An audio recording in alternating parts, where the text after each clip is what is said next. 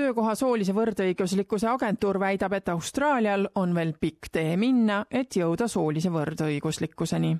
selline teade tuleb ajal, mil uued uuringud leiavad, et Austraalia mehed teenivad pea kakskümmend seitse tuhat dollarit aastas rohkem kui naised.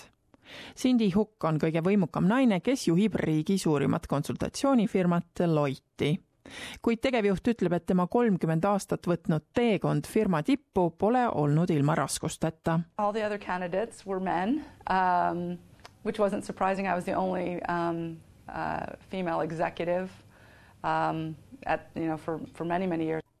Hook ütleb, et ta teeb nüüd kõik endast oleneva, et töötada töökohtade soolise võrdõiguslikkuse nimel I would challenge every organization to dig in deep, go individual by individual. We've got 6,000 employees, but you've got the data, and make sure you solve the pay gap level by level. Then put the programs in place that advance women.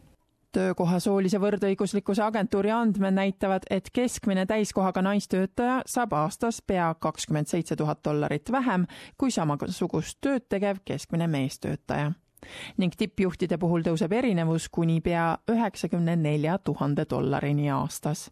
ning kuigi pea nelikümmend kaks protsenti juhikohtade ametikõrgendustest läheb naistele, siis viis kuuest tegevjuhist on endiselt mehed võrdõiguslikkuse agentuuri direktor Libby Lyons ütles riiklikus pressiklubis Canberras, et mõnedes tööstusharudes on võrdõiguslikkusega suuremad probleemid kui teistes. Nine out of ten graduates entering healthcare and social assistance are women.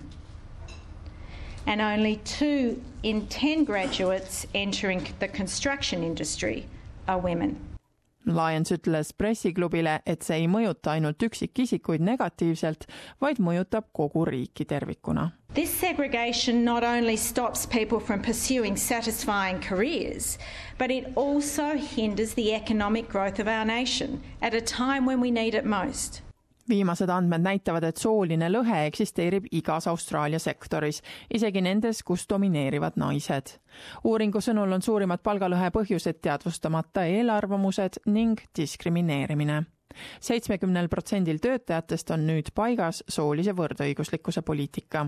teatud ringkondades rakendatakse nüüd survet, et kõik ettevõtted teeks omapoolseid samme, et tagada sooline võrdõiguslikkus